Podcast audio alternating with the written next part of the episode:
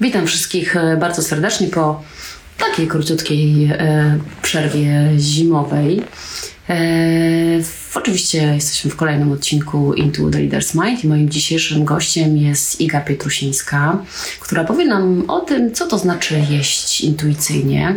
Sama jestem ciekawa, bo nie zgłębiałam jeszcze tego tematu, więc będę trochę tak jak Wy słuchała tego, co mówi do, do mnie i do Was Iga. Słuchajcie, znamy się z Igą e, nie od dziś i pewnie nawiążemy jeszcze do tego, jak się toczyły te Twoje losy zawodowe, bo gdzieś tam kiedyś przecięłyśmy się w zupełnie innym świecie, niezwiązanym ani chyba z intuicją, ani chyba ze zdrowiem, ani z dietą na pewno.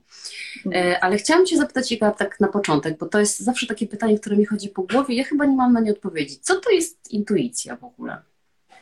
Mm, intuicja to e, w moim rozumieniu jest taki głos głęboko zakorzeniony w naszym ciele, który mm, nie do końca poddaje się e, regułom logiki czy umysłu. To jest taka nasza mm, wewnętrzna mądrość, taki głos, którym po prostu możemy się kierować, kiedy chcemy wykroczyć trochę poza, poza to, co wiemy, tak e, jakby z głowy i połączyć się trochę z taką energią naszego ciała i właśnie no to myślę, że to dobrze, dobrze opisuje to słowo.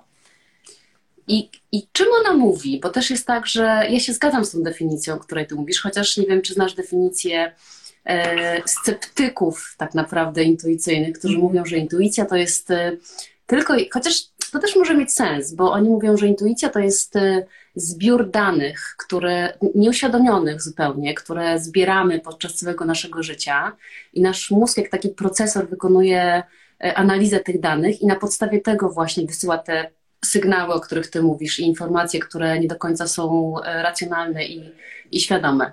Może? Tak, to jest, y, to jest tak naprawdę dobre uzupełnienie do tej, do tej definicji, którą ja podałam, tylko myślę, że te informacje właśnie tak zapamiętane w naszym ciele, one po prostu e, za, zapamiętują się też jakby nie tylko w naszym mózgu, w naszej podświadomości, ale też i nasze ciało zapamiętuje jakieś tam też e, reakcje na przykład, które się pojawiły w danej sytuacji i odtwarza je czasami nawet wyprzedzając taką naszą racjonalną odpowiedź. Już nam daje na przykład e, to ciało taki sygnał, że, że coś się spina, coś się podnosi, czy e, w brzuchu często, właśnie w okolicach brzucha splotu słonecznego często czujemy też takie, mm, takie na przykład właśnie ucisk, tak? albo ekspansję na coś pozytywnego. Mhm. E, więc, e, więc jak najbardziej myślę, że ta, e, ta definicja też, też bardzo pasuje no, do tego. A to, że, to, że zostałaś coachem, nie wiem jak to powiedzieć, diety intuicyjnej, jak to ładnie powiedzieć? Jedzenia intuicyjnego. bo mhm. jest to podejście antydietetyczne, więc trochę trudno o tym mówić, że jest to tak naprawdę dieta, chociaż większość osób, które e, e, pracuje tą metodą jest e, po dietetyce. I ja, ja również jakby postanowiłam iść taką najpierw tradycyjną ścieżką po to, żeby mm, no, zrozumieć po prostu funkcjonowanie ludzkiego organizmu i tego, jak oddziałują na to składniki odżywcze, jak oddziałują na składniki odżywcze, żeby wykroczyć trochę poza to, co oferuje w takim tradycyjnym rozumieniu dietetyka i pójść trochę dalej, e, poszerzyć tę wiedzę o właśnie taką pracę z intuicją, ale tak naprawdę też z mądrością ciała, z przekonaniami. Jest to praca bardziej na warstwach psychologicznych, e, która jest no, dobrym uzupełnieniem do takiego właśnie bardziej holistycznego zadbania po prostu o swoje e, zdrowie. Więc w tej metodzie, mm, która no właśnie nie jest dietą, jest bardziej sposobem jedzenia, e, który ma jakieś oczywiście też ramy i można powiedzieć takie filary, od których e, odbijamy się w trakcie, w trakcie takiej pracy bardziej terapeutycznej mm, nie ma takich bardzo jasno jakby określonych zasad. Nie da się tego zrobić dobrze albo źle, tylko jest to raczej taki proces e, głębokiego poznania siebie i swojego ciała. Zanim dojdziemy do tego, co robisz teraz, chciałam się zapytać, chciałam wrócić trochę, bo ta Twoja droga też e, zawodowa była super interesująca, bo kończyłaś marketing modowy i właśnie w tej modzie się gdzieś tam spotkaliśmy. I po pierwsze, czy te wybory takie Twoje kręte, pracowałaś przecież przez wiele lat jako, jako marketingowiec e, firm kosmetycznych, prawda, więc też w kompletnie innym świecie. Czy te wybory były intuicyjne? Mm, na tamten moment myślę, że tak. E, I, i faktycznie ta moja ścieżka zawodowa zaczęła się bardzo wcześnie, bo już w wieku 16 lat trafiłam na staż do L, do ciebie, więc więc y, pamiętam, że, mm, że wtedy czułam ogromną radość i taką właśnie ekspansję w sercu na, na myśl o tym, że mogłabym w ogóle pracować na przykład w jakimś magazynie. No później e, trochę stamtąd jakby wyszedł pomysł wyjazdu do Mediolanu, gdzie spędziłam e, pięć lat i powrót do Polski, ale też nadal jakby w tej branży beauty, e, też około jakichś tam modowych tematach to mam wrażenie, że to było podążanie trochę za głosem serca, a nie za tym, e, co, mm, co sobie wymyśliłam, na przykład, nie wiem, wybierając jakiś tam kierunek studiów, który e, na początku e, wybrałam w Warszawie i po trzech miesiącach zrezygnowałam z niego, bo po prostu czułam, że, mm, no, że bardzo potrzebuję jakby takiego intensywnego rozwoju pracy poprzez na przykład doświadczanie rzeczy, poprzez taką no, naukę trochę na żywym organizmie. Mm, więc myślę, że zawsze się kierowałam takim, e, taką właśnie intuicją e, i tak naprawdę cały czas e, czuję, że, że czerpię też z tych dawnych wyborów, że to, co robiłam w przeszłości, choć, choć teraz wydaje się bardzo odległe, gdzieś tam też mnie wspiera. No, cała wiedza marketingowa na pewno też nie, nie poszła w las i, i korzystam z niej, mimo że, że jakby bardziej się widzę teraz w roli coacha czy czy terapeuty żywieniowego, to, no to przyjemnie jest po prostu umieć różne rzeczy wokół, które pozwalają docierać do większej ilości osób. Mm. A skąd pojawiła się ta dietetyka w Twoim życiu w takim razie? To wyniknęło trochę z takiego też mojego osobistego, osobistej ścieżki, rozwoju, też takiego samopoznania, e, chęci po prostu zadbania lepiej o swoje własne zdrowie. I, I myślę, że ja tak trochę mam, że jak już zaczynam wchodzić w jakiś temat e, tak bardziej osobiście, to widzę też w nim na przykład różne możliwości mm, rozwoju też zawodowego. E, jakoś te dziedziny się często u mnie przeplatają i, i, i po prostu widzę jakiś potencjał i często, często też za tym podążam. Czyli na przykład jak e, jak odkryłam, że w ogóle jakby takie życie w zgodzie właśnie z własną, z własną intuicją, która mi podpowiadała, że już się trochę wypaliłam też w mojej, mojej poprzedniej pracy i w ogóle w tamtej branży, to moje ciało też mi o tym dawało znać, że jakby, że coś, jakby coś wymaga ewidentnie zmiany, e, że mm, no nawet mój poziom, nie wiem, stresu, czy takiego nawet spięcia w ciele też sugerował, że coś jest ewidentnie jakby nie taki, że nie wystarczy wyjechać na weekend, żeby to zresetować, tylko że trzeba się po prostu e, zająć tym trochę szerzej. Mm, I, I tak jakby z tych poszukiwań e, e, trafiłam no, i na dietetykę, ale też i na, e, na Laurę Thomas London Center for Intuitive Eating, e, czyli te, tę szkołę, którą, którą kończyłam, żeby e, jakby już wykształcić się jako osoba praktykująca intuicyjne jedzenie. Ale to też jakby był trochę splot różnych wydarzeń. E, trafiłam na podcast, później na książkę i, i to jakoś tak popłynęło. Tak to jest. Jak się wysyła informacje do wszechświata, że coś trzeba zmienić, to wszechświat podsyła najlepsze podpowiedzi, tak naprawdę. E, a powiedz, jak to czuć, bo mm, też często spotykam się z takim pytaniem. No dobrze, intuicja, intuicją, wszyscy wiemy, głos wewnętrzny, ale gdzie ja mam go tak naprawdę usłyszeć? Tak jak powiedziałaś, że ty czułaś w ciele, że było coś już e, nie tak, że się wpaliłaś w tej pracy. To co czułaś? Coś ci strzykało, głowa cię bolała? Gdzie to było? Wiesz co, czułam takie, takie uczucie mm, bardziej przypominające paraliż. E, moment, jakby w takich bardzo jakby banalnych sytuacjach, czy, czy w momentach na przykład, kiedy wydawało mi się, że mam do wykonania jakąś bardzo prostą czynność, jak odpisanie na przykład na jakiegoś maila, e, co wcześniej by mi zajęło dosłownie dwie minuty i, i bez większego namysłu bym po prostu poszła dalej w swoich zadaniach. Tak czułam, że po prostu, że że nie mogę skupić myśli, że w moim ciele właśnie tak jakby coś się zamykało i na samą myśl o tym, że już mam coś zrobić, w ogóle jakby, no, no to była taka jakby mm, wewnętrznie blokująca siła. E, I, I to uczucie oczywiście było bardzo subtelne, natomiast kiedy jakby jego na, na samym początku, natomiast z czasem jakby było tego coraz więcej i, i widziałam, że z drugiej strony kiedy na przykład e, rozpoczęłam tę ścieżkę poszukiwań, zanim jeszcze w ogóle e, pomyślałam, że mogę się zajmować e, terapią żywieniową, to, to na przykład czułam, że pracując w ogóle z jedzeniem, czy pracując blisko jakby karmienia ludzi, czy wchodząc w ogóle w inny rodzaj relacji, moje ciało ożywa. I ta, ta, ta ożywcza energia, to mm, ona się manifestowała w postaci przed bardziej wyprostowanego kręgosłupa, jakiejś takiej bardziej ożywionej gestykulacji. Po prostu czułam, że moja twarz się relaksuje, że jakieś tam, nie wiem, spięcia na przykład właśnie w poziomie żuchwy, e, czy, czy właśnie jakieś takie napięcie w karku, tak, w szyi, to wszystko gdzieś tam się rozpuszczało, więc, więc był taki moment, kiedy kiedy naprawdę tak bardzo serio się zastanawiałam, czy po prostu karmienie ludzi nie jest moją ścieżką e, i czy może na przykład praca w jakimś bed and breakfast nie byłaby dla mnie idealna i po prostu gotowanie zdrowego jedzenia i i jakby przekazywanie też tej, e, no, no tej dobrej jakby takiej energii i miłości właśnie w postaci jedzenia innym ludziom, czy to już nie jest wystarczające i też jakby robiłam to, wyjeżdżałam na przykład na e, wyjazdy, nie wiem, z jogą czy z masażem tajskim i, i sprawdzałam się trochę w tej roli. Mm, fajne, fajne są jakby też takie doświadczenia, żeby po prostu mm, robić rzeczy, sprawdzać. Cały czas jakby mm, E, nie określać się tak jednoznacznie w tym momencie zmiany, tylko po prostu pozwolić sobie doświadczać.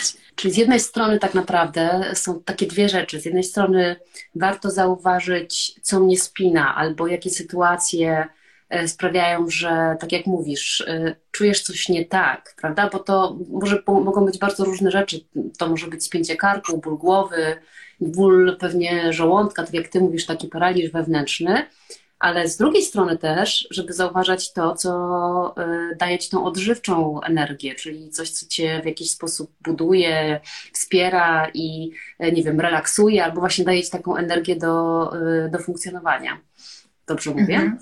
Tak, jak najbardziej, jak najbardziej tak jest i jakby myślę, że właśnie warto obserwować też te dwie części, bo czasami jest tak, że jakby skupiamy się też na tym, co, co nas blokuje, a warto jakby też pójść jakby kawałek dalej i poszukać tego, to gdzie w takim razie jakby jest ten drugi biegun, e, gdzie jest mhm. właśnie ta przyjemność, gdzie jest jakaś taka ekspansja, e, i, no i też jakby też mnie w tym bardzo wspierały inne jakieś praktyki. Na przykład to był okres, w którym bardzo intensywnie e, praktykowałam jogę kundalini i czułam, że po prostu, że też mój jakby rozwój osobisty gdzieś tam wspiera jakby ten cały proces zmian, który się odbywał po prostu na wielu, wielu poziomach, więc y, no, te poszukiwania jakby szły tak właśnie bardzo wielotorowo i, i myślę, że poszukiwanie takiego uczucia relaksu i przyjemności w ciele było dla mnie bardzo dużą taką wskazówką właśnie w tym okresie przemiany teraz masz różnych klientów, no i powiedz, no bo wydaje mi się, że ty masz ekstremalne jednak yy, świadomość swojego ciała i kontakt z ciałem, które trochę są niezbędne do tego, żeby yy, pewnie praktykować to, to, to uważne, intuicyjne żywienie. No i teraz jakby twoi klienci albo ludzie, którym doradzasz, czy oni też tak mają, czy po prostu to są jednak w większości laicy, którzy tak naprawdę no, nie powiem, że nic nie czują, ale w jakiś sposób zagłuszają takie, takie rzeczy, bo one są, nie wiem, niewygodne, czy e, w danej chwili niepotrzebne. Jak to wygląda? Bardzo często jest tak, że e, osoby, które do mnie trafiają, e, jakby już dochodzą do takiego miejsca, że na przykład już wiedzą, że bycie na diecie non-stop przez wiele lat jednak nie przyniosło im tego rezultatu, czy wiedzą, że mm, jakby już czują, że potrzebują jakiejś zmiany mm, i, i jestem pewna, że jakby już jakieś tam przebłyski jakby tego, że właśnie, że właśnie to ciało już się też domaga jakiegoś innego po prostu e, podejścia już zaczynają odczuwać. Natomiast e, no, na samym początku bardzo dużo właśnie pracujemy z ciałem, z oddechem, z takim właśnie szukaniem tego połączenia, z obserwowaniem swojego cyklu menstruacyjnego na przykład, czy z jakby z takim po prostu połączeniem się ze sobą, żeby właśnie móc. E, usłyszeć te potrzeby ciała i też no jakby przepracować też e, te wszystkie systemy, które zostały jakoś tam zaabsorbowane przez ciało wcześniej, czyli na przykład różnego rodzaju zakazy, nakazy, przekonania dotyczące tego, co jest zdrowe, co jest niezdrowe, co wolne, jakby to prowadzi do takiej bardzo, do, bardzo dużej dezorientacji w pewnym momencie, bo mam wrażenie, że czasami jest tak, że po prostu chłoniemy wiedzę z bardzo różnych źródeł, mm, i, czasami są to rzeczy, które przedstawią mm, do siebie w jakiejś tam opozycji, e, więc mm, no, może być tak, że, że jakby nie wspiera to w końcu naszego zdrowia, tylko czujemy po prostu takie uczucie zagubienia. I to w ciele też się gdzieś tam manifestuje, więc żeby pozdejmować trochę te warstwy, pracujemy z jednej strony bardziej jakby psychologicznie, a z drugiej strony też e, właśnie tymi takimi bardzo prostymi, ale jednak e, no, skutecznymi e, technikami regulującymi po prostu właśnie emocje i też jakby wspierające ten kontakt z ciałem. Czyli trochę to jest tak, że jeżeli ja myślę sobie, że przyjdę do ciebie i ty mi rozpiszesz dietę, na najbliższy miesiąc. Ja po miesiącu już będę chudsza o 10 kilo i wiecznie zdrowa. To w ogóle tak nie wygląda. To w ogóle tak nie wygląda. To jest e, zupełnie inny rodzaj pracy. E, ja w ogóle nie rozpisuję jadłospisów. Mm, natomiast e, wspieram, to znaczy już na dalszym etapie pracy, kiedy przechodzimy do etapu, który mm, tak naprawdę kończy, kończy ten cały proces i nazywa się łagodnym odżywianiem, wypracowujemy wtedy różnego rodzaju strategie, czyli na przykład zastanawiamy się nad tym, co można zrobić, żeby jakiś posiłek był lepiej zbilansowany, żeby był e, bardziej sycący, czy e, co jeszcze można dodać i w ogóle bardziej pracuję na dodawaniu niż na odejmowaniu rzeczy z diety, oczywiście jeśli nie ma jakichś takich bardzo wyraźnych wskazań medycznych. E, czyli jak, jak jeść po prostu lepiej, przyjemniej, smaczniej, to jakby no ja też się zajmuję trochę edukacją kulinarną w e, Fundacji Samodzielność od Kuchni, więc, więc te tematy też jakby związane z tym, jak po prostu robić rzeczy łatwiej, szybciej i przyjemniej też są mi bardzo bliskie i też się tym dzielę w, w pracy. Natomiast no, wydaje mi się, że ta pierwsza część, czyli jakby bardziej praca właśnie z tymi przekonaniami, to jest to, co jest jakby takim korowym e, kawałkiem e, tej pracy.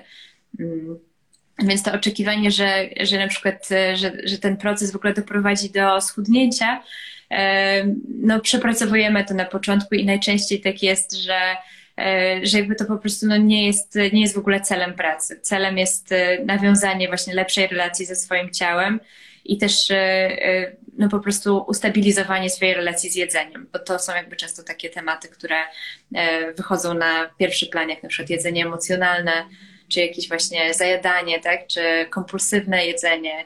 E, to jest, no to jest taki wiodący temat po prostu moich e, klientów. No i na przykład ja przychodzę do Ciebie i mówię Ci, przepraszam, że tak e, cały czas obrazowo próbuję to wytłumaczyć, ale, ale wydaje mi się, że to jest dosyć istotne, żeby nasi potencjalni słuchacze wiedzieli, o co, o co w tym wszystkim chodzi, czy z czego mogą się spodziewać, dlaczego to ma sens. I przychodzę do Ciebie i mówię, no, no niestety, jem codziennie wieczorem przed telewizorem e, opakowanie delicji i nie jestem w stanie się tego pozbyć. To co Ty mi mówisz? Albo co ze mną robisz? Wiesz co, ja, ja przede wszystkim e, proponuję e, takie uważne jedzenie, czyli bez rozpraszaczy. Ja wiem, że to jedzenie delicji przed telewizorem może być takim mechanizmem samoopieki. To może być coś, co jest jakby jednym z na przykład niewielu dostępnych na ten moment e, mechanizmów, bo po prostu na przykład jesteś w takim momencie, w którym no, dzieją się różne stresujące rzeczy i te delicje przed telewizorem co wieczór, to jest to, co daje to uczucie ukojenia, więc pracujemy nad tym, e, co jeszcze mogłabyś robić, jak jeszcze możesz siebie zadbać i w ciągu dnia i jakby jakie są jeszcze inne sposoby na to, żeby się skontaktować z tym, co tam wymaga w ogóle tego ukojenia. Bo to nie jest też tak, że jest to taki nawyk biorący się znikąd. E, prawda? Tam często jest, jest jakiś tam e, czy stres, czy właśnie no, różne rzeczy mogą się pojawić w tle.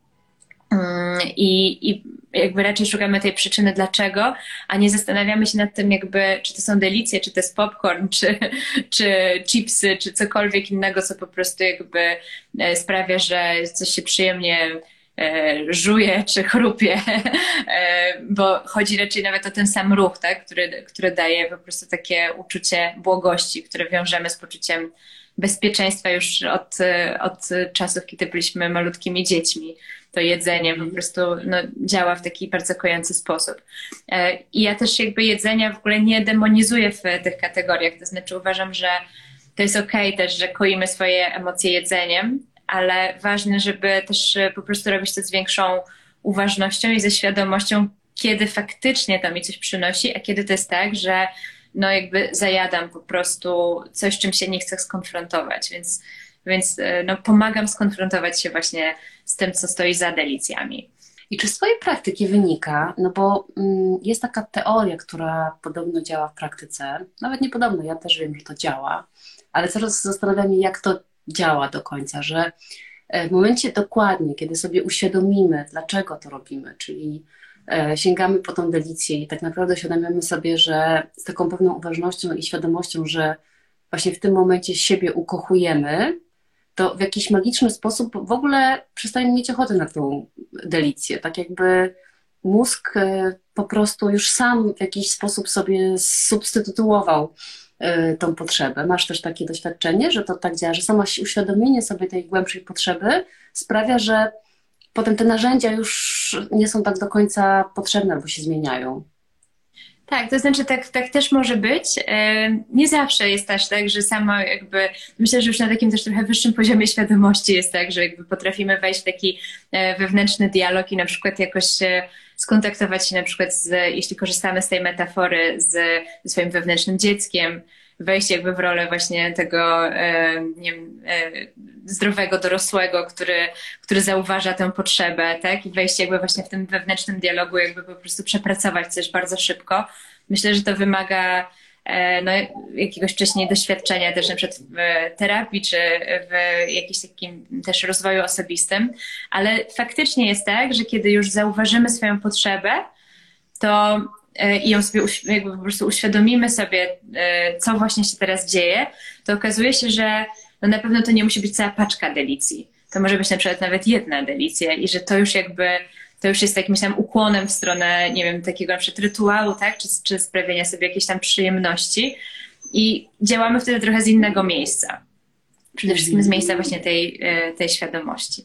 Zmienia to zupełnie perspektywę. Powiedz, E, z jakimi takimi przekonaniami trudnymi do zmiany najczęściej się spotykasz? Bardzo często spotykam się z takim, e, z takim przekonaniem, że jeśli odpuszczę bycie na diecie, czy odpuszczę robienie, nie wiem, regularnie detoksów, to, mm, to przytyję, to, to jakby stracę na przykład jakąś tam kontrolę nad moim ciałem, że jeśli będę na jadła jedzenie, które naprawdę mi smakuje i które naprawdę daje mi dużo przyjemności, no to po prostu jakby same jakieś czarne wizje się tam pojawiają, tak, że, że no właśnie, nie wiem, potroję swoją objętość i, e, i, i jakby już stracę nad tym kontrolę. I faktycznie myślę, że to jest chyba na taki najczęstszy temat, e, z którym się spotykam. To jest to właśnie to przekonanie, że nasze ciało jakby samo nie wyreguluje tego mechanizmu że ciało w ogóle nie dąży do równowagi, nie dąży do tego, żeby utrzymać się jakby w stanie takiej homeostazy i w zdrowiu po prostu, tylko że jest jakby takim dzikim trochę organizmem, który, który po prostu jak się spuści, spuści ze smyczy, to, no to będzie, będzie po prostu zaspokajał ten ogromny jakiś, nie wiem, deficyt tego smaku. I faktycznie też tak może być, że w jakiejś tam fazie, kiedy przechodzimy na ten styl jakby intuicyjny, są takie osoby, które potrzebują doświadczyć tego, jak to jest właśnie jeść w taki bezwarunkowy sposób, żeby dopiero uświadomić sobie, że okej, okay, to nie przynosi wcale aż tak strasznych konsekwencji. E, to znaczy, to nie jest tak, że jeśli zjem na przykład lody na śniadanie, bo mam taki kaprys, to później mam ochotę jeść je na lunch i jeszcze na kolację i następnego dnia, że jakby naprawdę następuje ten element przesytu. To jest raczej jakby w głowie to myślenie, że, że, to, że to trzeba jakoś tam kontrolować. To widać też bardzo, w ogóle bardzo mocno u dzieci, które nie mają tak mocno wytyczonych e, zasad, e, że po prostu jakby w bardzo taki intuicyjny i naturalny sposób regulują swój poziom i nasycenia i też jakby dobierają jedzenie w bardziej jakby mm, zrównoważony sposób niż mogłoby się to wydawać rodzicom. To jest też bardzo, bardzo ciekawe, że są takimi natural born intuitive eaters. No dobrze, ale zobacz, też wchodzą takie sytuacje jak kandydoza. No i jakby trochę jest tak, że jeżeli masz kandydozę albo, no nie wiem, jakąś nierównowagę flory bakteryjnej, no to ewidentnie te twoje potrzeby jedzeniowe są, e, są no nie są w równowadze, no bo potrzebujesz dużo słodyczy, ponieważ twoja kandyda w tobie potrzebuje słodyczy. No i co wtedy? Czy to jest tak, że mhm właśnie zapędzasz się w ten taki nadmiar słodyczy, czy jednak ten organizm ma jakieś takie naturalne e, mechanizmy obronne i mówi, nie wiem, po tygodniu stop, nie mogę patrzeć na czekoladę.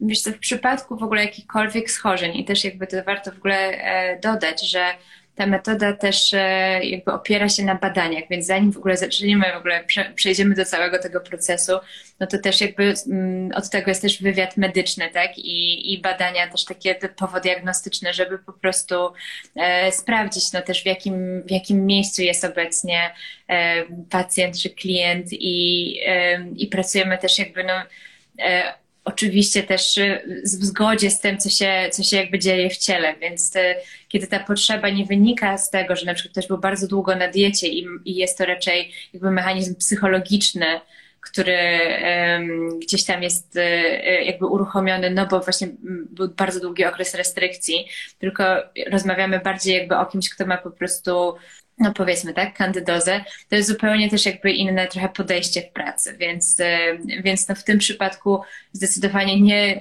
nie, nie kierowałabym się tym, żeby zaspokajać tam potrzebę jedzenia słodyczy, tylko e, równoważyć po prostu e, stan mikrobioty jelitowej. Więc no, no to, te podejścia jakby za każdym razem są no, dostosowane po prostu do sytuacji klienta. Powiedziałeś o tym, że jedzenie jest takie warunkowe i bardzo mi się to spodobało, bo rzeczywiście ja mam takie poczucie, że to jedzenie jest jakąś taką formą bardzo często autodestrukcji i właśnie takiego, takiej ewidentnej kontroli. Jak myślisz, dlaczego właśnie jedzenie ma taką funkcję często w naszym życiu? Myślę, że mm, wynika to z tego, że jedzenie jest po prostu bardzo dostępne. Jest jakby takim bardzo dostępnym i środkiem do łagodzenia e, jakichś tam emocji, ale też jakby może właśnie stać się takim jakby preferowanym mechanizmem. E, I też e, no jakby to jest, to jest też częsty przypadek, że jakby takie właśnie jakby nałogowe trochę podejście, tak, czyli, czyli jakby mm, zaspokajanie mm, jakiejś tam potrzeby emocjonalnej za pomocą jedzenia może być po prostu bardzo takim wygodnym, wygodnym sposobem, który może się też wymknąć spod kontroli. Ale no podobnie jest też jakby z innymi e, no takich trochę jak z używkami, trochę zależy od tego, do czego mamy e, inklinację. Jedzenie wydaje się też takim bezpieczniejszym trochę sposobem. E, natomiast no, konsekwencje mogą być różne, kiedy po prostu nie spotkamy się z tą warstwą emocjonalną, tylko wydaje nam się, że jakby, że właśnie nie musimy się z tym mm, konfrontować jeszcze. No ale też, też myślę, że wynika to z tego, że jednak jedzenie e, po prostu mm, no, było tym pierwszym, pierwszym takim e, środkiem, który po prostu nam dostarczano, kiedy byliśmy dziećmi, tak, żeby się właśnie uspokoić, żeby zaspokoić nasze takie podstawowe potrzeby, no mm, to jesteśmy po prostu tak uwarunkowani. Więc to jest bardzo jakby pierwotny mechanizm. Szczególnie, że zobacz, jak, e, jak są niemowlaki, szczególnie w tym tam pierwszym miesiącu życia i tak naprawdę komunikacja z nimi jest trochę żadna. W sensie, że nie rozumiesz sygnałów, znaczy jakby trudno się rozpozna, rozpoznać, dlaczego płacze, więc w zasadzie dziecko zawsze dostaje jedzenie na każdy rodzaj mhm. płaczu, nawet jeżeli to jest płacz, nie wiem, z niewygody czy z czegoś tam. Bardzo często jakby jest taki odruch, że a, jestem głodny, to dostanę. I rzeczywiście możesz mieć mhm. rację, że gdzieś tam ta taka inklinacja, mamy to zakodowane po prostu gdzieś w ciele, że jeżeli coś jest nie tak, to dostarczamy wtedy sobie jakiegoś pożywienia, które ma to, ma to naprawić.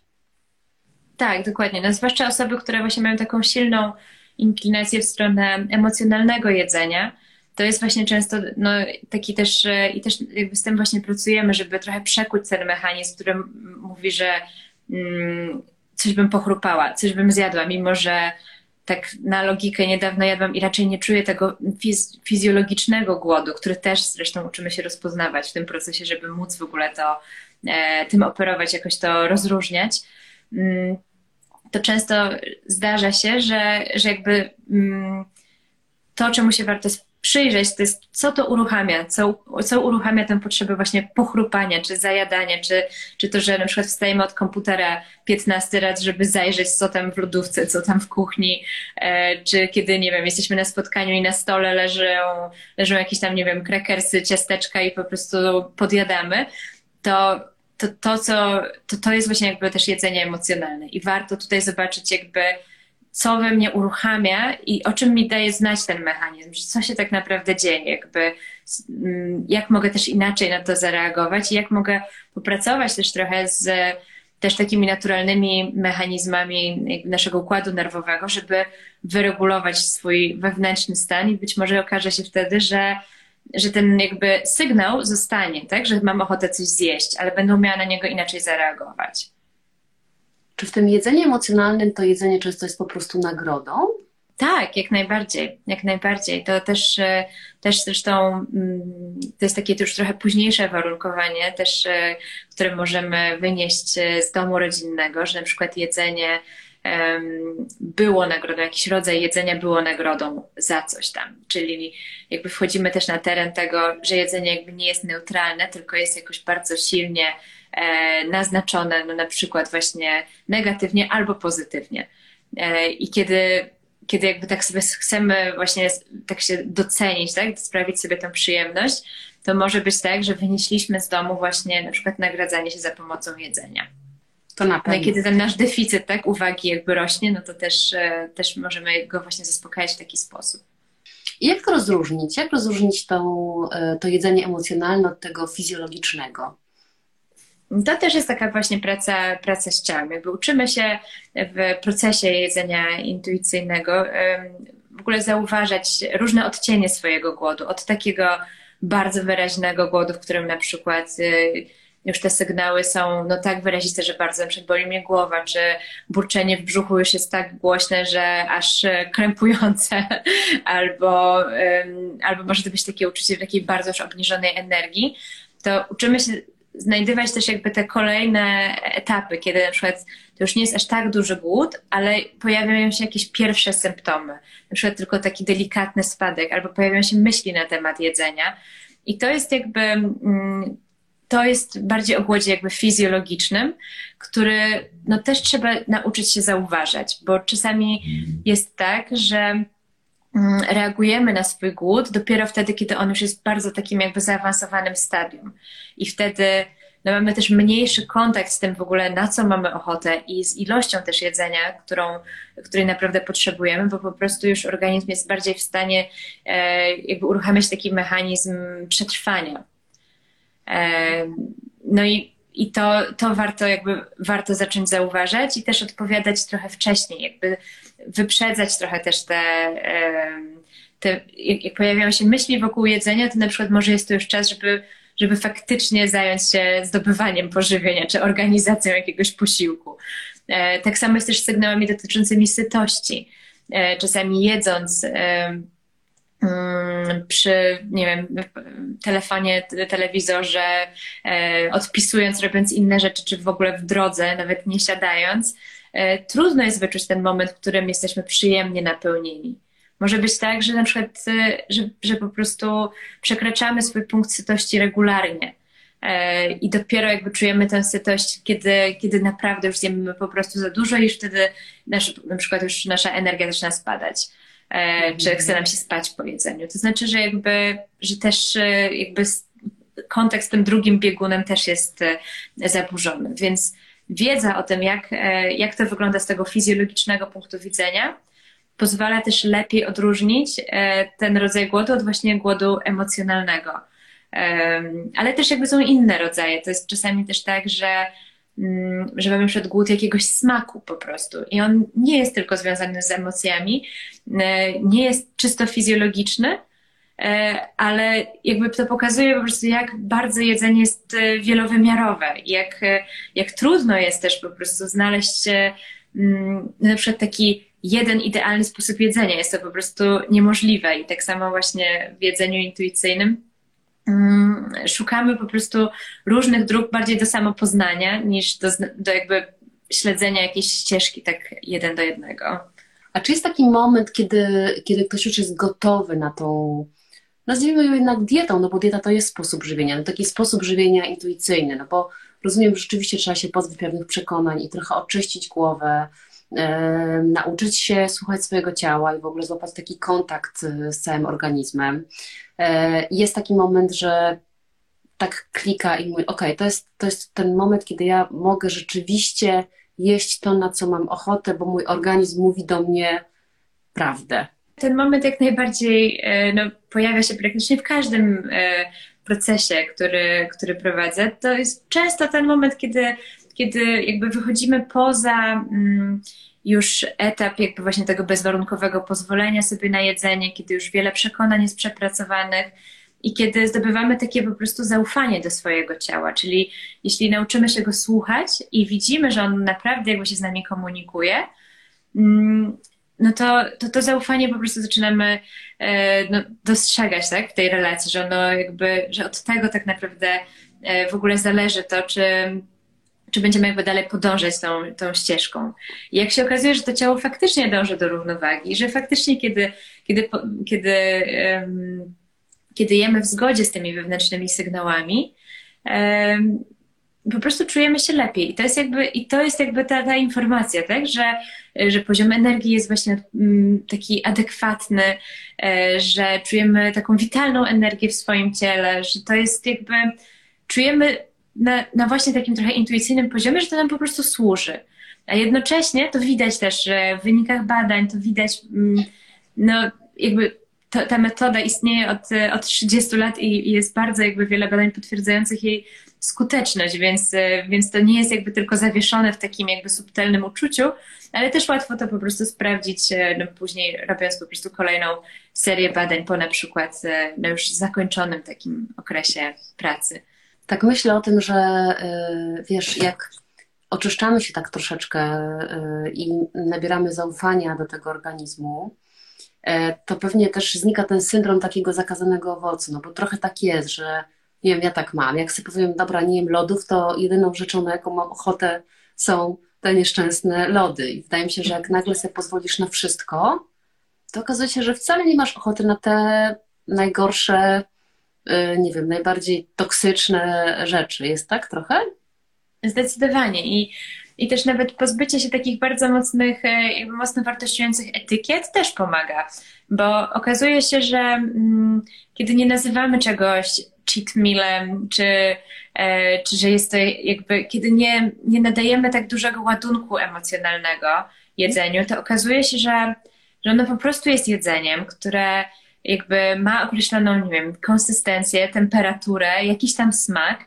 E, I, i często jest tak, że kiedy, kiedy właśnie no nie jestem, przestaję być tym zakazanym owocem, to Mm, to okazuje się, że zadowalamy się na przykład jedną małą porcją, albo w ogóle jakąś po prostu jedną porcją i, i, nie mamy takiej potrzeby, żeby nasycić się tym smakiem na zapas, bo później nie będzie, bo, bo jakby później nie wiadomo, kiedy będzie okazja.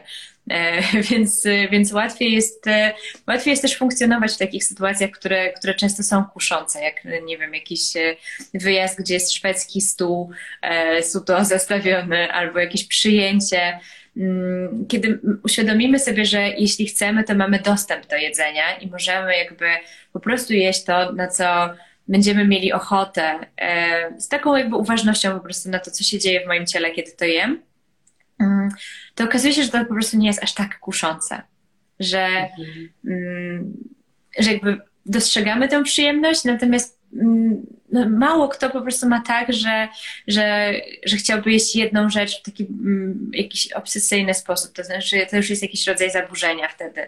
Ale myślę, że większość osób, która się do mnie zgłasza, to jest raczej odczarowanie po prostu tego, co, e, co przyswoiliśmy. Na przykład jakiegoś, nie wiem, przekonania o tym, że e, no, że na przykład, nie wiem, białe pieczywo z serem to jest w ogóle najgorsze, co można sobie zrobić. Zło. Tak.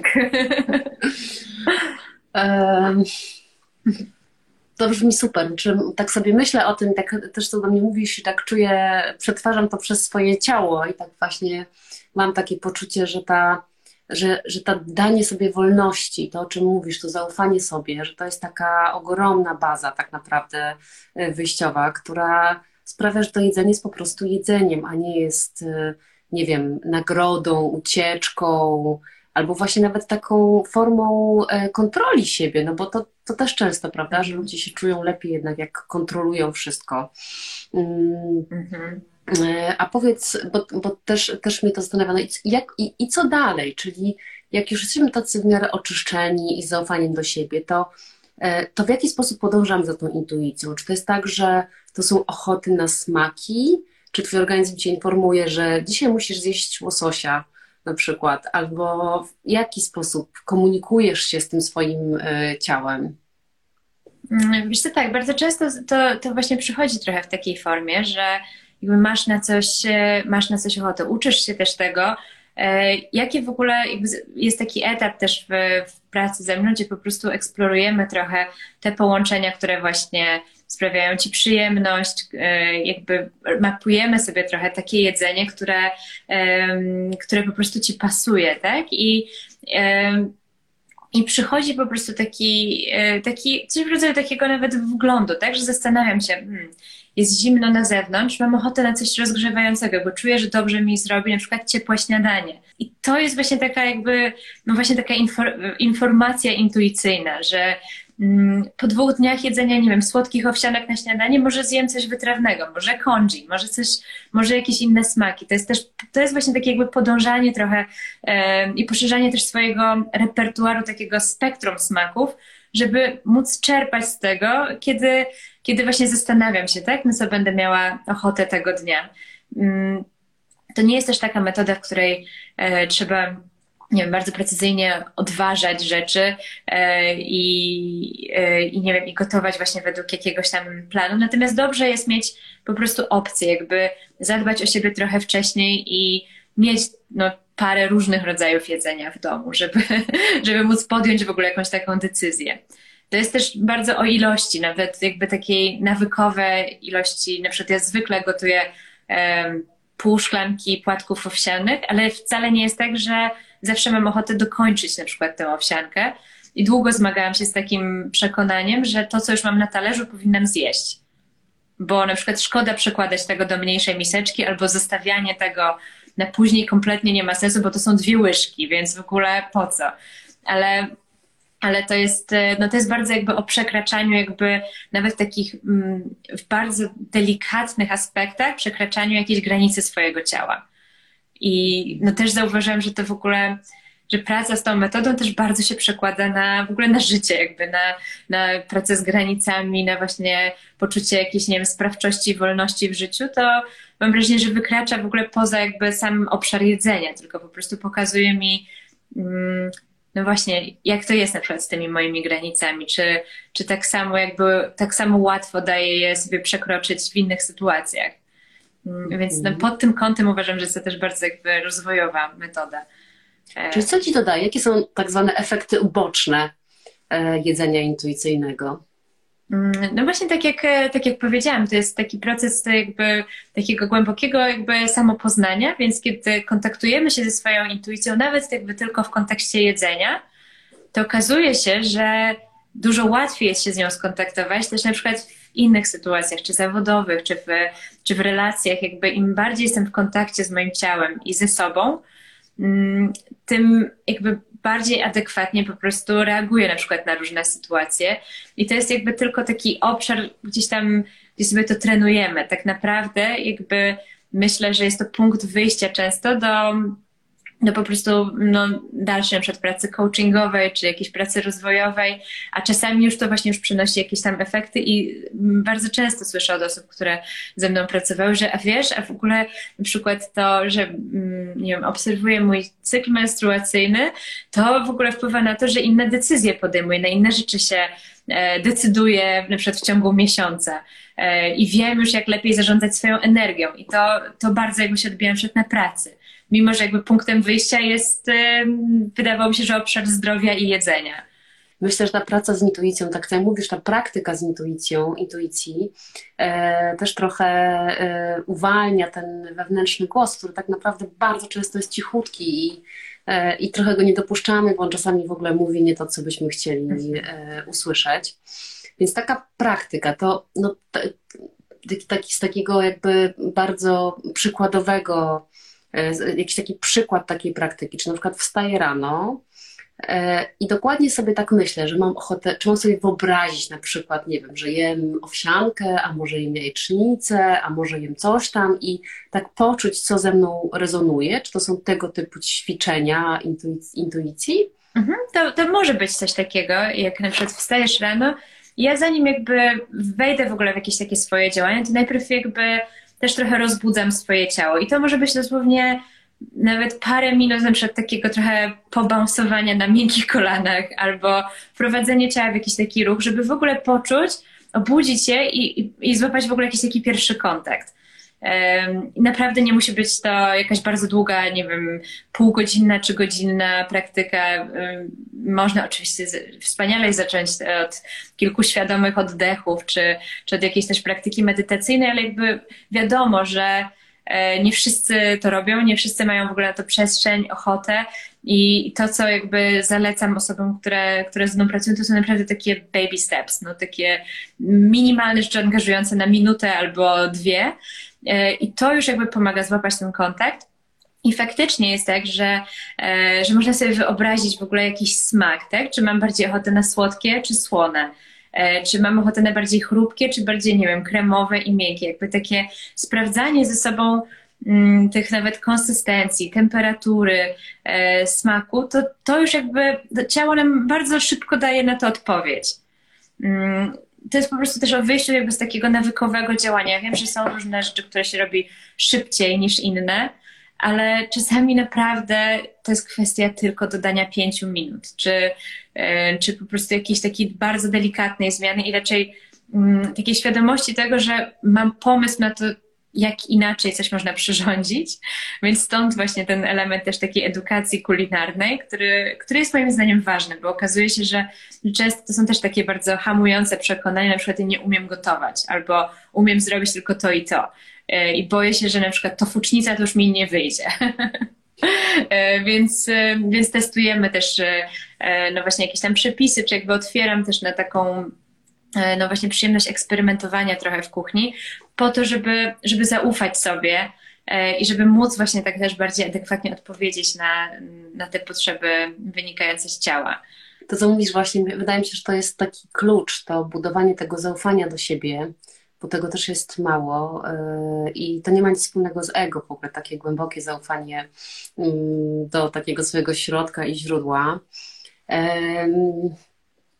I wydaje mi się, że też, że też bardzo, ba, gdzieś tam bardzo istotne w tym wszystkim jest ten dialog, który masz e, cały czas z organizmem. Chciałam też zapytać Ciebie o to, no bo pewnie słuchają nas ludzie, którzy myślą sobie, że a super, chciałbym być takim dietetykiem intuicyjnym. Czy ty uważasz, zrobiłaś też dietetykę taką normalną, jak rozumiem, konwencjonalną. Czy mhm. uważasz, że to jest potrzebne, czy można zrobić tylko kurs y, dietetyki intuicyjnej i to wystarczy? Mm, myślę, że to jest potrzebne. To znaczy taka, taka wiedza no, o tym, jak funkcjonuje po prostu ludzki organizm, jest, jest, no, jest mi bardzo potrzebna w pracy.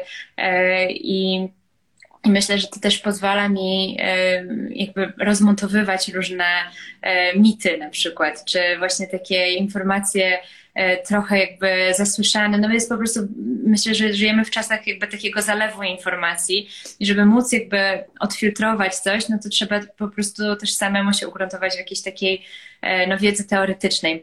E, intuicyjne jedzenie jakby jako metoda to jest jakby kurs moim zdaniem uzupełniający i on jest oferowany no właśnie dla jakby osób, które albo są lekarzami, albo właśnie dietetykami, czy psychodietetykami. To Mm, to jest po prostu jak, jakaś tam metoda pracy. Natomiast no, nie, nie uważam, że jest to jakby wystarczające, żeby, żeby wspierać tak po prostu no, pacjentów. Mimo, że jakby widzę, że może jakieś nawet 70% mojej pracy jest to jednak taka praca na przekonaniach i więcej jest tam pracy psychologicznej, to wiem, że jakby no, ja się czuję też bezpieczniej, sugerując różne rzeczy, nawet umiejąc odczytać, odczytać czyjeś badania. No myślę, że to, to ma, ma znaczenie jednak. A czy potem ta wiedza też dla takiego klienta potencjalnego jest potrzebna? No bo rozumiem, że on podąża za tymi swoimi potrzebami. Zakładamy, że organizm sam E, wie, czego potrzebuje i sam sobie wyrównuje te wszystkie swoje deficyty. No ale na koniec, czy myślisz, że jednak też taka wiedza e, podstawowa, czyli co jakby jest w tej diecie takiej zwykłej, codziennej ważne i też nie mhm. wchodzenie w te wszystkie takie ekstremalne diety, no bo one też się bardzo często wykluczają. Czasami mówią, że gluten jest dobry, gluten jest zły, cukier jest potrzebny, a w zasadzie w ogóle nie jest potrzebny. I rzeczywiście masz rację, że odfiltrowanie tego i znalezienie jakiegoś takiego złotego środka, e, no to jak to znaleźć? No bo z jednej strony jest ta intuicja i twoja potrzeba jednostkowa organizmu tu i teraz, z drugiej strony mózg jednak ci podpowiada, no dobra, lepiej żebyś jednak zjadła tą owsiankę niż kanapkę z żółtym serem. No właśnie e, od tego jest jakby ten ostatni etap, czyli, e, czyli łagodne odżywianie. Tam jest taki kawałek właśnie e, bardziej dietetyczny, który mówi, że mm, na przykład mm, kanapka z żółtym serem nie jest wcale zła, ale na przykład fajnie dodać do niej jeszcze na przykład jakieś warzywo albo połączyć to jeszcze z, uzupełnić czymś tam, żeby mm, E, jak skomponować po prostu lepszy posiłek, nie, nie rezygnując z tej kanapki z serem. E, albo na przykład e, jak, jak ograć jakieś przekąski, które, które lubimy, żeby też nie musieć z nich rezygnować, a żeby ten posiłek po prostu był bardziej, no, żeby nam bardziej służył, albo był chociażby bardziej sycący na dłużej. Mm, więc pod tym kątem jakby ta wiedza jak najbardziej jest potrzebna i to często jakby mm, ta nasza intuicja, która, którą sobie jakby budujemy trochę też w, w czasie tego całego procesu, mm, ona zacznie nam podpowiadać też rzeczy, które naprawdę po prostu nam bardziej służą, bo e, to ta, w tej metodzie naprawdę nie chodzi o to, żeby po prostu jeść to, na co się ma zawsze ochotę, bez jakiejkolwiek refleksji, bez zastanowienia i w, mm, w dowolnej ilości.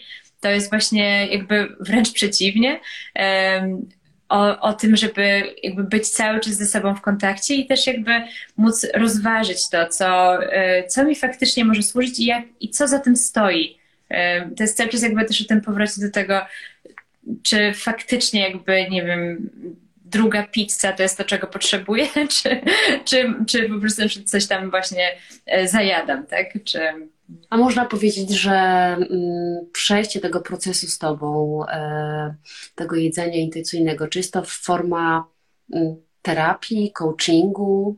Ja to nazywam bardziej e, health coachingiem i też to określenie jakby mm, myślę, że, że jakby jest najbliższe też temu stylowi pracy, dlatego że pracujemy przede wszystkim jakby na,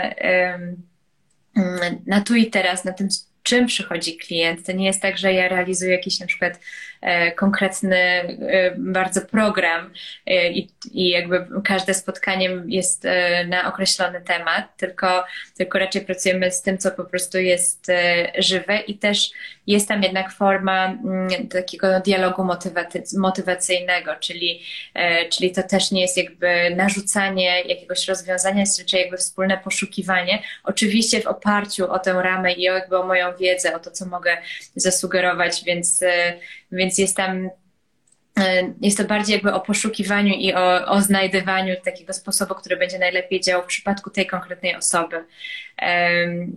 Jeśli chodzi o terapię, to oczywiście jakby efekt jest w pewnym sensie terapeutyczny, natomiast e, i w pracy na przekonaniach też jest jakby taki kawałek, tak, że czasami musimy sięgnąć do przeszłości, żeby zobaczyć jakby skąd się to przekonanie wzięło, przyjrzeć się trochę temu, dlaczego mam tak, a nie inaczej. I w ogóle myślę, że kiedy pojawia się to pytanie, dlaczego, to, to jakby uruchamia to trochę wątki terapeutyczne, a mniej wątki coachingowe. No ale jest to jakby tylko, tylko jakiś tam fragment, e, fragment tej pracy, więc e, no, określenie może nie jest jakby jednoznaczne, natomiast no, myślę, że health coaching to jest e, no, takie po prostu też towarzyszenie drugiej osobie w mm, poprawie swojego stanu zdrowia i, i w takim jakby dążeniu do równowagi. To bardzo taka zindywidualizowana metoda. Miałaś takie przypadki, które były podobne? Czy rzeczywiście jest tak, że każdy egzemplarz E, tego Twojego klienta ma swoją drogę zupełnie inną i te efekty też gdzieś tam na koniec są trochę inne. Myślę, że, jakby, że, że zgłaszają się do mnie osoby z dosyć podobnymi e, e, problemami, aczkolwiek każdy, każdy oczywiście ma trochę inną drogę, tak? Każdy trochę e, jakby z innego miejsca mm, nawet jakby zaczyna ten proces, więc, więc oczywiście no myślę, że to jest właśnie trochę tak jak w terapii czy w coachingu, że jakby są pewne schematy i terapeuci też jakby widzą pewnie no, na przestrzeni lat, że mają, mają klientów o jakiejś tam określonej charakterystyce, natomiast no, no, ważne jest dla mnie to indywidualne podejście i jakby też no nie Mm, nie sprowadzenie tego na przykład do jakiegoś, nie wiem, tylko kursu online, tak, który e, można zrobić bez żadnej mojej asysty, bo Oczywiście można też, ale, ale myślę, że jakby efekt też będzie inny i może to być jakimś tam elementem uzupełniającym. Hmm. Widzę natomiast e, potencjał w coachingu grupowym, jakby bardzo na przykład e, zawężonym do jakiegoś tematu, jak nie wiem, na przykład emocjonalne jedzenie, czy, czy jakiś element na przykład o nie wiem, e, samoakceptacji, tak? To można, można oczywiście to zawężać i pracować grupowo i to też można, może jakby bardzo fajnie jakby wspierać też ta energia grupy, kiedy spotykamy się jakby z podobnym problemem i razem na czymś pracujemy. Mm, I myślę, że to też jest jakby no, taka forma pracy, którą, którą pewnie będę poszerzać, bo... Mhm. Właśnie czytasz w moich myślach, bo miałam zapytać, powiedziałaś na początku, że jak się czymś zainteresujesz, to lubisz zagłębiać się w temat i chciałam zapytać, czy temat e, żywienia intuicyjnego już wyczerpałaś i będziesz szła dalej, czy jeszcze masz poczucie, że jest tam dużo do eksploracji? Myślę, że jeszcze temat absolutnie nie jest wyczerpany, że jest to, że jest to jakby bardzo w ogóle e, szeroka po prostu dziedzina. E, I, no ale też jakby temat pracy z ciałem mnie bardzo, bardzo interesuje. Jakby widzę też dużo jakby powiązań pomiędzy e, no, na przykład naszym dostępem do przyjemności, do seksualności, tak? To są wszystko tematy, które, które gdzieś tam funkcjonują obok siebie i, i bardzo często jakby takie wątki też e, wypływają po prostu w rozmowach, więc no, ten potencjał jakby do rozwoju widzę, widzę nieograniczony. No teraz, teraz też jakby Lubię myśleć też o takich jakby w ogóle współpracach e, z innymi terapeutami czy z osobami, które, które jakby pracują też tak e, rozwojowo i, e, i właśnie no, no myślę, że jest tym duża siła, żeby, żeby właśnie łączyć się, tworzyć na przykład jakieś też programy czy warsztaty, w których dwie czy trzy osoby e, dzielą się tym, co robią e, i, i, wspierają też tak bardziej holistycznie. Więc taki, takie warsztaty też mam w planie mm, e, już, już w maju. Właśnie będziemy, będziemy tworzyć taką przestrzeń z Natalią Ziętarą, która jest specjalistką od oddechu, tańca, ruchu i obie bardzo jakby też się interesujemy tematem mm, cyklu menstruacyjnego i jakby takiego wsparcia w ogóle kobiet w tym, w tym doświadczeniu, w poznawaniu siebie poprzez e, pryzmat e, cyklu. E, więc to bardzo, bardzo myślę jakby też, też o tym, jak wychodzić jakby stacjonarnie do, do przestrzeni takiej właśnie już szerszej. Rozumiem, że wszystkie informacje na temat warsztatów będą u Ciebie na Instagramie, pewnie i na Facebooku tak, do znalezienia. A powiedz, bo jeszcze jedna rzecz mnie zastanowiła, czy ta metoda działa też na, na dzieci, bo prawda, dosyć dużo dzieci w tej chwili e, cierpi na otyłość. Czy to jest tak, że w związku z tym, że oni są dziećmi jakby jeszcze tych przekonań nie mają tak bardzo ugruntowanych, czy, czy w ogóle pracujesz z, nie wiem, z młodzieżą i z młodymi ludźmi? Pracuję z młodzieżą e, i oferuję takie konsultacje e, w ramach mojej pracy w Fundacji Samodzielność od Kuchni, gdzie osoby w trakcie usamodzielnienia mogą korzystać e, bezpłatnie z, z moich konsultacji. Mm, natomiast e, jestem też na etapie jakby szkolenia właśnie z tej metody Raising Intuitive Eaters, która mogłaby jeszcze lepiej jakby wspierać rodziców, ponieważ sama też mm, nie mam jeszcze, jeszcze dzieci i jakby ten temat w ogóle pracy z dziećmi mam wrażenie, że zostawiam sobie jeszcze na, na trochę późniejszy etap. Natomiast no, bardzo dużo o tym czytam i wiem też, że ta metoda jest bardzo mocno też propagowana właśnie przez, przez Laurę Thomas. Chodzi tutaj przede wszystkim jakby o o wzmacnianie tej intuicji w dzieciach i jakby to jest praca zarówno z rodzicami, jak i z dziećmi. Bo często jest tak, że to, mm, to rodzice nam sprzedają też te przekonania dotyczące tego, co jest zdrowe, co jest niezdrowe, ile się powinno jeść i, e, i dzieci mimo, że intuicyjnie jakby bardzo czują, co powinny, e, to no gdzieś tam jakby mm, ufają bardziej temu zewnętrznemu głosowi rodzica. Mm, więc, więc jest, to, jest to na pewno bardzo, bardzo ciekawy obszar do pracy. E, i myślę o tym, żeby, mm, żeby też poszerzyć swoją ofertę. E, natomiast no teraz jest to głównie właśnie młodzież, nastolatki, e, to już jest jakby trochę też inny rodzaj pracy. Często to są tematy też wokół zaburzeń odżywiania, poczucia własnej wartości, samooceny, mm, więc no, no jest to trochę inny rodzaj pracy niż już z takimi maluchami. Mhm. Iga, bardzo Ci dziękuję. E, to jest wspaniałe, dlatego że to jest taka metoda, która uwalnia Cię, jest bardzo uwalniająca. E, jedzenie intuicyjne, których tak naprawdę benefitem nie tylko jest ta ten taki zdrowa relacja po prostu z jedzeniem, które traktuje się jako e, pożywienie, a nie jako nagrodę, ucieczkę albo milion innych rzeczy, które są e, szkodliwe dla ciebie, ale też jakby to budowanie zaufania dla siebie, do, do siebie i dla swojego organizmu, które przekłada się, tak jak powiedziałaś, na różne inne e, sfery naszego życia, no bo pewnie przekłada się na relacje e, osobiste, intymne, ale też pewnie na pracę zawodową. Mm, jeżeli jesteśmy w stanie słuchać naszej intuicji, na pewno ta nasza wartość w tych środowiskach wzrasta. Bardzo mhm. dziękuję. Słuchaj, szukajcie Igi na e, Jedz Intuicyjnie na Instagramie albo na Facebooku. Dziękuję bardzo Aniu, bardzo e, za to zaproszenie i za tę, za tę rozmowę. Ja również dziękuję. Trzymaj się, miłego wieczoru. Wzajemnie.